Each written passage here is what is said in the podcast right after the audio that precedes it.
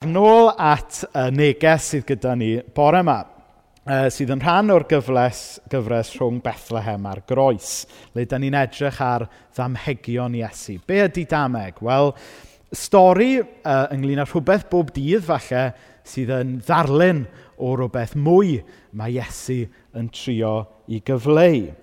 Mae e yn un techneg oedd Iesu'n defnyddio i gyfathrebu neges gyda pobl gyffredin yn ei amser e. Um, ond hefyd, mae damhegion yn rhywbeth oedd Iesu'n defnyddio le oedd e ddim jyst yn rhoi'r ateb ar blat bob tro i bobl. Hynny yw, oedd e'n gadael lle weithiau i bobl feddwl, gadael lle i bobl ddychmygu, gadael lle i bobl um, sort of meddwl am rhyfeddod a dirgelwch weithiau y ffydd yn y broses o adnabod Dyw drostyn nhw ei hunain. Nawr, yn aml, da ni'n meddwl fod Iesu'n gorgymlethu pethau yn y damhegion. A mae hwnna oherwydd yn bod ni yn yr oes modern, da ni'n licio atebion hawdd a syml di a gwyn, dydyn. Ond yn aml, dydy taith ffydd ddim yn rhoi atebion di a gwyn i ni bob tro. Mae yna, yn aml, lot o greu eiriau. Mae yna le i ryfeddod. Mae yna le i ddirgelwch. A mae lot o'r damhegion yn ein gwahodd ni gam i mewn i hynna i ddarganfod cariad a gwirionedd Dyw drosto ni yn hunain. A mae'r ddameg sydd gyda ni bore yma yn un byr iawn, um, ond mae e'n un sydd yn cyffwrdd ar lot o themau pwysig iawn, dwi'n meddwl hefyd. Felly, y darlleniad bore yma, Matthew 13, adnodau 47 i 50. Unwaith eto, Mae teyrnasiad yr unefol yn debyg i rwyd sy'n cael ei ochwn i'r llyn a phob math o bysgod yn cael ei dal ynddi. Mae'r pysgotwyr yn llusgo rhwyd lawn i'r lan. Wedyn mae'r pysgod da yn cael ei cadw a'i storio, ond y pysgod diwerth yn cael ei taflu i ffwrdd. Dyna fydd yn digwydd pan ddaw diwedd y byd – Bydd yr angylion yn dod i gasglu'r bobl ddrwg o blith y bobl wnaeth beth sy'n iawn, ac yn ei taflu nhw i ffwrdd i'r ffwrnais dan, lle bydd pobl yn wylo'n chwerw ac mewn artaith. Iawn. So, i chi'n gweld pan bod hwn yn un o'r damhegion byr, ond eto mwyaf cymleth a mwyaf mawr hefyd, jyst ar ôl i chlywed hi fyna. I ddechrau, um, cyd-destun y ddameg. Um, er gweitha pwysigrwydd pysgota i bobl Galilea, dyma yw'r unig ddameg mae Iesu'n defnyddio uh, pysgota fel delwedd. A mae hwnna'n od os chi'n meddwl am, am y peth. Oherwydd oedd lot o ddisgyblion um, Cyntaf Iesu yn bysgotwyr, oedd lot o ddilynwyr cyntaf Iesu'n bobl lle oedd diwylliant pysgota'n rhywbeth mawr iddyn nhw, ond hwn yw'r unig ddameg mae Iesu yn defnyddio pysgota fel delwedd ynddo fe. Felly mae e'n sefyll allan am hynny. Mae e'n sefyll allan hefyd oherwydd bod e yn un byr iawn, fel i chi newydd glywed, Ond mae e'n sefyll allan hefyd achos fod Iesu yn cynnig rhyw fath o esboniad, ond eto mae'r esboniad, fel y gwelwn ni mewn munud, yn gadael y drws ar agor i lot o ddyfalu a gadael i ni drio gweithio mas beth sy'n mynd ymlaen hefyd. So, y rhwyd bysgota i ddechrau. Nawr, pan i ni'n meddwl am rhwyd bysgota, Os ydych chi fel fi wedi, ges i magu yn Aberystwyth, uh, tref um, digon tebyg i Llandudno neu Rhyl, er na, probably, dydy Aberystwyth fel slightly fwy up market i Rhyl, no offence. Ond, um, a Llandudno, ti hanner ffordd rhwng y ddau, falle? Na ni, mae un o, un o foes Llandudno tu ôl y camera bore yma. Ond be bynnag, pan, pan i chi'n fach falle, cofio mynd ar wyliau i tref Glan y Môr, falle bod chi'n cofio yr, y rhwyd pysgota yna. Oedd fel bambŵ stick a, a wedyn rhyw rwyd bach ar y pen. Hynny yw bod e'n rhyw rhwyd penodol i ddal rhywbeth penodol, fel arfer crancod. A dwi'n cofio mis awst pan oedden ni'n rhydd i deithio, mynd lawr i Aberystwyth a mynd i borth a dal lot o grancod gyda'r bechgyn oedd yn lot o hwyl. Ond basically, nid y math yna o rwyd eh, oedd pobl yn defnyddio i bysgota yn amser Iesu. Ond yn hytrach, oedd e'n rwyd, um, o'n nhw'n galw'n sagennau, neu yn Saesneg dragnet, sef rwyd enfawr. Bysa gyda fel uh, corcyn um, ar hyd y top, a wedyn plwm ar hyd y gweilod, a bydde fe'n cael ei ochwn mewn i'r môr neu'r llyn, a wedyn dau gwch y ddau ochr ohono fe, a wedyn bydden nhw'n dragio y rhwyd i mewn i'r lan, um, a byddai'r rhwyd yma yn llythrenol yn dal popeth oedd yn ei ffordd e. Mae'n debyg oedd yna 24 math gwahanol um, o bysgod yn Môr Galilea yn amser Iesu, a mae fyddai'r rhwyd yma yn dal pob un ohonyn nhw. Oedd e'n rhyw fath o uh, rhyw fath o fersiwn amser Iesu o intensive fishing, y math, y math o'n byddai Brexit talks yn mynd yn, yn, mynd yn gymleth yn meddwl beth i wneud gyda fe. Um, ond beth bynnag, oedd, oedd, yr, oedd yr rhwyd yma, oedd e'n dal popeth. A wedyn, ar ôl cyrraedd y lan, byddai y pysgotwyr wedyn yn sortio fe allan. Oedden nhw'n sortio y pysgod, oedden nhw'n cadw, A wedyn, oedden nhw ddim jyst yn taflu'r pysgod oedd falle wedi marw neu oedd wedi um, pydru, ond bydden nhw hefyd yn taflu pysgod. Falle oedd yn hollol iawn, ond yn ôl i traddodiadau deddfa ddewig nhw, oedden nhw ddim yn cael um, i byta nhw, felly oedden nhw'n cael eu taflu nôl i'r môr hefyd. So, dyna yw'r stori am y rhwyd mawr yma'n dal popeth oedd yn ei ffordd Y rhai yn rai da oedden nhw'n cadw, rhai yn rai oedden nhw'n taflu i ffwrdd. Ond wedyn mae'r ddameg yn cymryd, mae'n troi o fod yn stori neis ynglyn â pobl yn pysgota i fod yn ddameg eitha uh, brawychus ar rywydd wrth i Iesu gynnig yr esboniad yma. Dyna fydd yn digwydd pan ddaw diwedd y byd. Bydd yr angylion yn dod i gasglu'r bobl ddrwg o blith y bobl wnaeth beth sy'n iawn – ac yn eu taflu nhw i'r ffwrnais dan, lle bydd pobl yn wylo'n chwerw ac mewn artaith. Nawr, trwy hanes, mae'r geiriau yma gan Iesu wedi cael ei dehongli mewn ffyrdd gwahanol uh, gan bobl gwahanol mewn ffordd gwahanol iawn. Beth neu pwy yw'r rhwyd yn y ddameg yma i ddechrau? Pwy yw'r bobl ddrwg o blith y bobl wnaeth beth sy'n iawn. A'i siarad mae Iesu fan hyn am y phariseaid, yr arweinwyr crefyddol yn ei amser e, neu yw e'n siarad am bobl crefyddol yn gyffredinol. Ydy hwn i gael ei gymryd yn llythrenol, neu ai jyst delweddau sydd yma sydd yn helpu ni um, ddeall mwy ynglyn â sut mae gwerthoedd teirnas ddew ben i weired i werthoedd y byd yma. Rhai pobl yn meddwl mai um, proffwydoliaeth neu delwedd sydd yma ynglyn â dynastr Jerusalem na ddigwydd um, yn oes rhai o ddisgyblion cyntaf Iesu. Neu ai delwedd sydd yma o effern.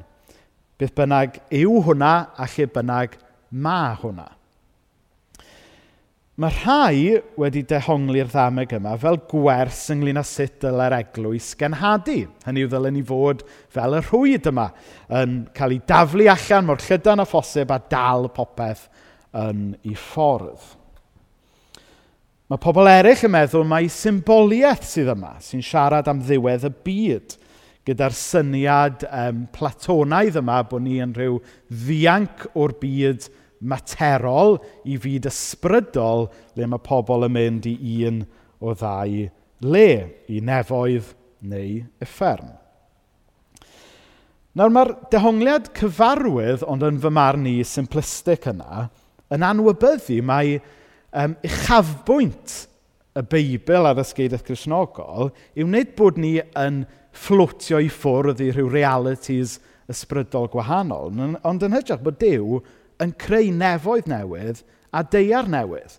Ac y bydd yna atgyfodiad corfforol go iawn, tangible, just fel nath Iesu atgyfori, atgyfodi go iawn ac mewn ffordd tangible. Mwy am hynny mewn munud.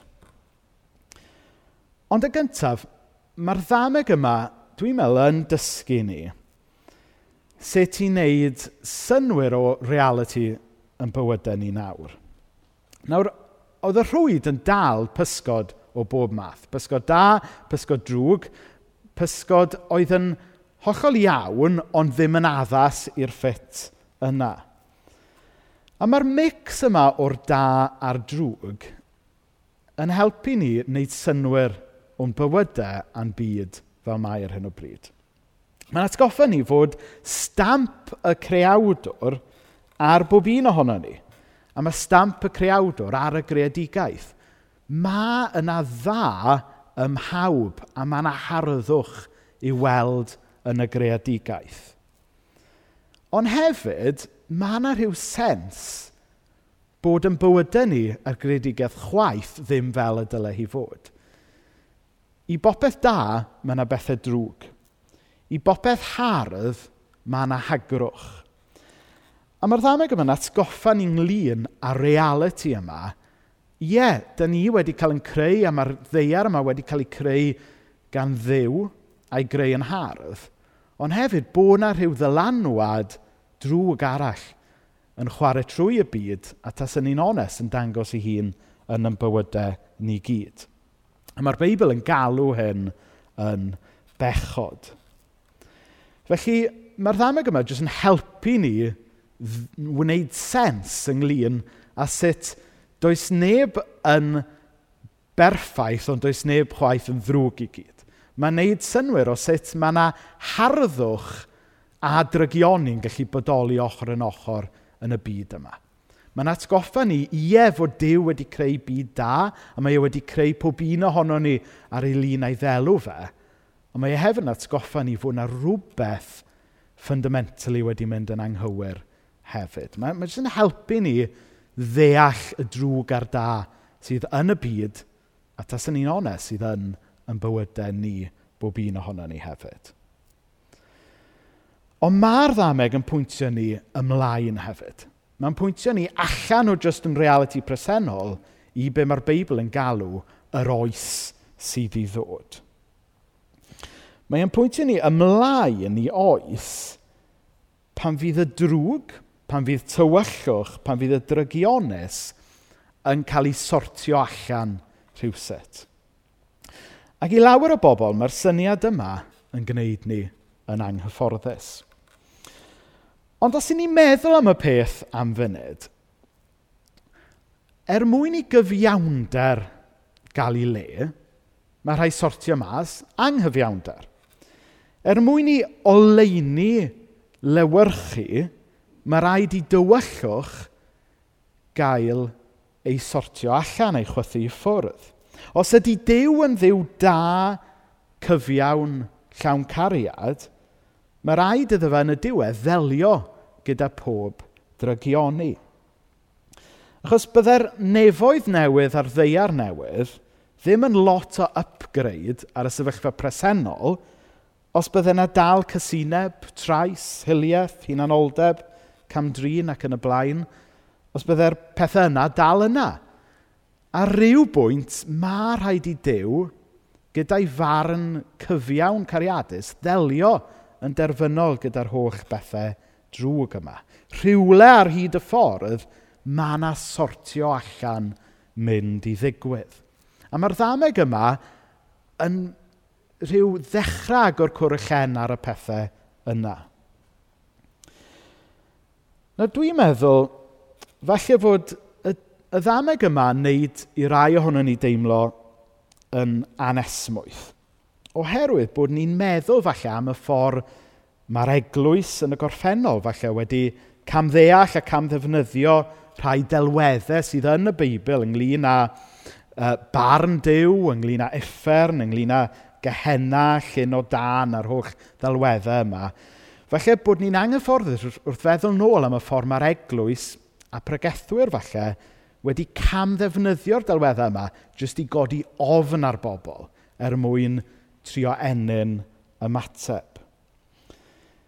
Tybed ydy'r eglwys weithiau wedi gadael i ddelweddau Michelangelo liwio sut da ni'n deall y pethau yma mwy na'r delwedd perffaith o ddew yn Iesu Grist.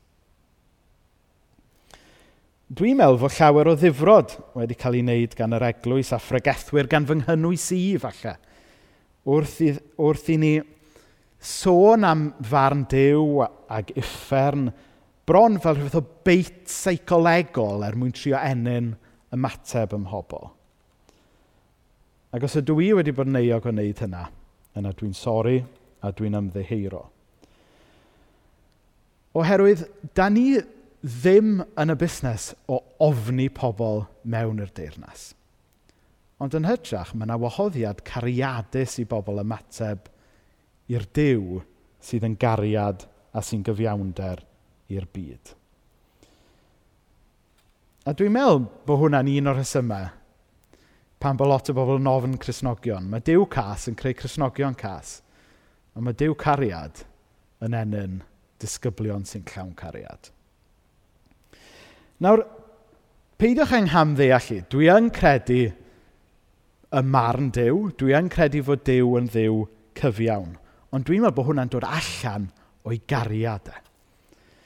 Sdim ffordd o anwybyddu be mae'r Beibl yn, dod, yn dweud ynglyn â bod dydd yn dod pan mae yna sortio allan mynd i ddigwydd.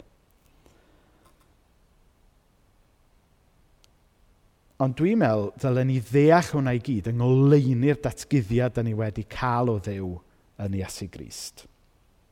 Nawr mae Paul yn dweud wrth yr hyfeiniad, marwolaeth ydy'r cyflog mae pechod yn ei dalu. Hynny yw, mae popeth drwg, mae pechod, mae'r wolaeth, dynastr, mae'r cyfan i gyd yn mynd i farw yn y diwedd. Neu fel mae datgyddiad yn sôn am, yr ail farwolaeth. Yn y diwedd mae ei gyd mynd i ddod i ben. Ond dwi'n meddwl mae'r patrwm yn y Beibl yw pa mae Dyw yn delio efo rhywbeth, pa mae Dyw hyd yn oed yn dinistrio, mae e'n gwneud hynny er mwyn creu rhywbeth newydd. Trwy y Beibl o wrth ryfel adda ac efa i hanes Noa, trwy'r hanes trist a gweidlyd yn yr Hen Testament, mlaen i ddinist yr Jerusalem i ni'n gweld fod dinister a barn yn digwydd er mwyn i fywyd newydd dorri trwyddo. A dwi'n meddwl fod y ddealltwriaeth yna o ddydd y farn yn neud fwy o synwyr ochr yn ochr ar gobaith am ddeiar newydd a nefoedd newydd. Mae pechod a tywyllwch yn mynd, yn cael ei sortio allan unwaith ac am byth, er mwyn i ddi ddod le na fydd poen, na fydd marwolaeth, a bydd Iesu hun yn sychu bob deigren. Meddyliwch amdano fe fel hyn. Mae rhaid i ni fynd trwy y groeth er mwyn ffeindio maddeiant. A mae rhaid i ni a'r ddeiar yma fynd trwy barn dew er mwyn gweld popeth y newydd, er mwyn i ddew adfer popeth fel mae'r Beibl yn dweud. Ac felly, i fi, pan i fi meddwl am yr oes sydd i ddod, dwi ddim bellach yn ei ofni fe. Oherwydd, pwy di'n gweld yna i frychu agored ydy Iesu Grist. Iesu sydd wedi delio gyda pob drygioni. Iesu sydd wedi atgyfodi fel rhagflas o'n atgyfodiad ni. A dwi'n meddwl mai beth sydd yn y ddameg yma felly ydy siars i ni beidio ddal gafel yn y pethau sy'n dinistrio ni. I ni beidio dal gafel yn y pethau sy'n mynd i farw yn y diwedd a falle tynnu nhw lawr efo ni. A dyna siop beth sy'n yma ydy gwahoddiad i adael fynd ar y pethau yna a gafel ar y Dyw yn Iesu Grist sydd wedi'n caru ni, sydd wedi'n prynu ni a sy'n addo creu popeth y newydd. Ar y dydd yna, bydd Iesu yn clirio ffordd. Bydd e yn gweinyddu barn, a bydd hwnna'n farn gyfiawn. Bydd e yn dinistrio. Ond bydd e'n dinistrio er mwyn creu rhywbeth newydd. A mae yna wahoddiad i bob un ohono ni drwy ffydd ymateb i'r dew yna sy'n barnu trwy i gariad. Nawr, cyn bod y band yn dod nôl fyny i gyhoeddi bendith i ni mewn can, da ni am wylio ffilm fer nawr gan ŵr o'r enw Brian Zand, sydd yn esbonio hwn i gyd lot gwell na be dwi newydd drio wneud. Diolch ar wel. What does Jesus want? Jesus wants to heal the harms. He wants to he wants to set things right. He he wants to he wants to show us that God has never been against us. That God has never hated us. He wants to show us that what we call the wrath of God is simply the result of us going against the grain of God's universe, which is love. If you go against the grain of the universe, which is love, you're going to pick up shards of self inflicted suffering. You can call that the wrath of God if you like. Sometimes the Bible does, but let's understand what it is. It's simply the result of going against the grain of the universe and picking up those shards of self inflicted suffering. I think that what Jesus wants to show us is that God is not mad at us. He's never been mad at us. That God's only disposition towards us is one of love. And that if we'll begin to orient our life toward the love of God, we can be healed and we can stop hurting others and we can be a part of helping heal our broken world. How far does love go? love goes as far as God goes because God is love. And that's kind of what I'm betting on. I'm betting on that when John the Apostle said, God is love, and then seven verses later said, I'm going to say it again, God is love. I think he was smart enough to know that's a very daring statement, and he said it, and he said it twice, and didn't flinch. I'm going to bet that that's true. And it's what gives me hope. And I think it's what Julian of Norwich must have seen when she said, And all shall be well, and all shall be well, and all manner of things shall be well. Amen. Amen.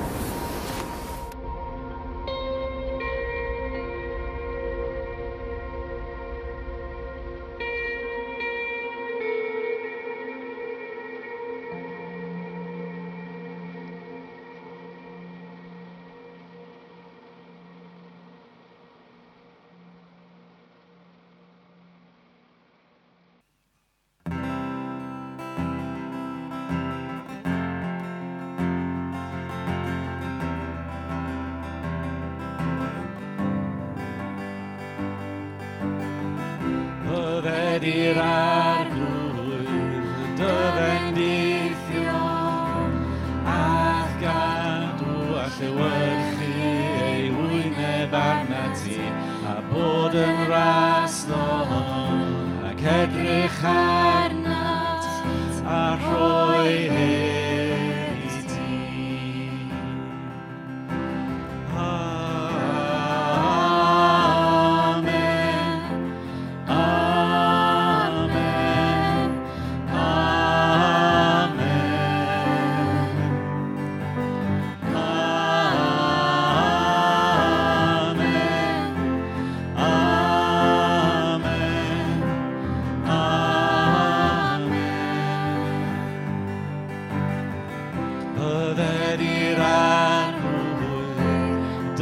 Bendición, haz tu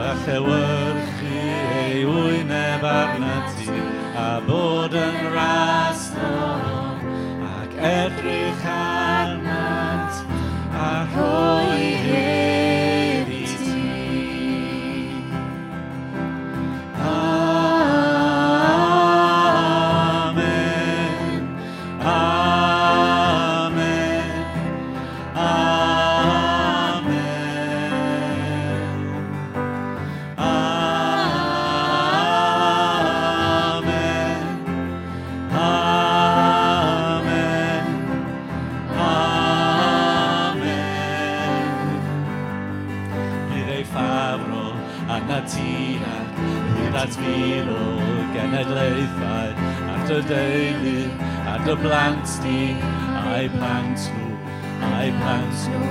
Bydd ei ffafro anatiad, hyd at fil o genedlaethau, at dy deulu, at dy blant ni, a'i plant nhw, a'i plant nhw, a'i bresenoldeb o dy flaen di, a tu ola wrth dy ymyl ac oedd gwmpas, ac oedd fewn fi, mae o gyda, gyda ti, gyda'r bore, gyda'r nosa, gyda'r ffrinda, gyda floda, gyda llwyddo, gyda'r lenydd, mae o'ch blaid i, mae o'ch blaid i, mae o'ch blaid i, mae o'ch blaid i, mae o'ch blaid i, mae o'ch blaid i, mae o'ch blaid i, mae o'ch blaid i, my old pride, my old pride.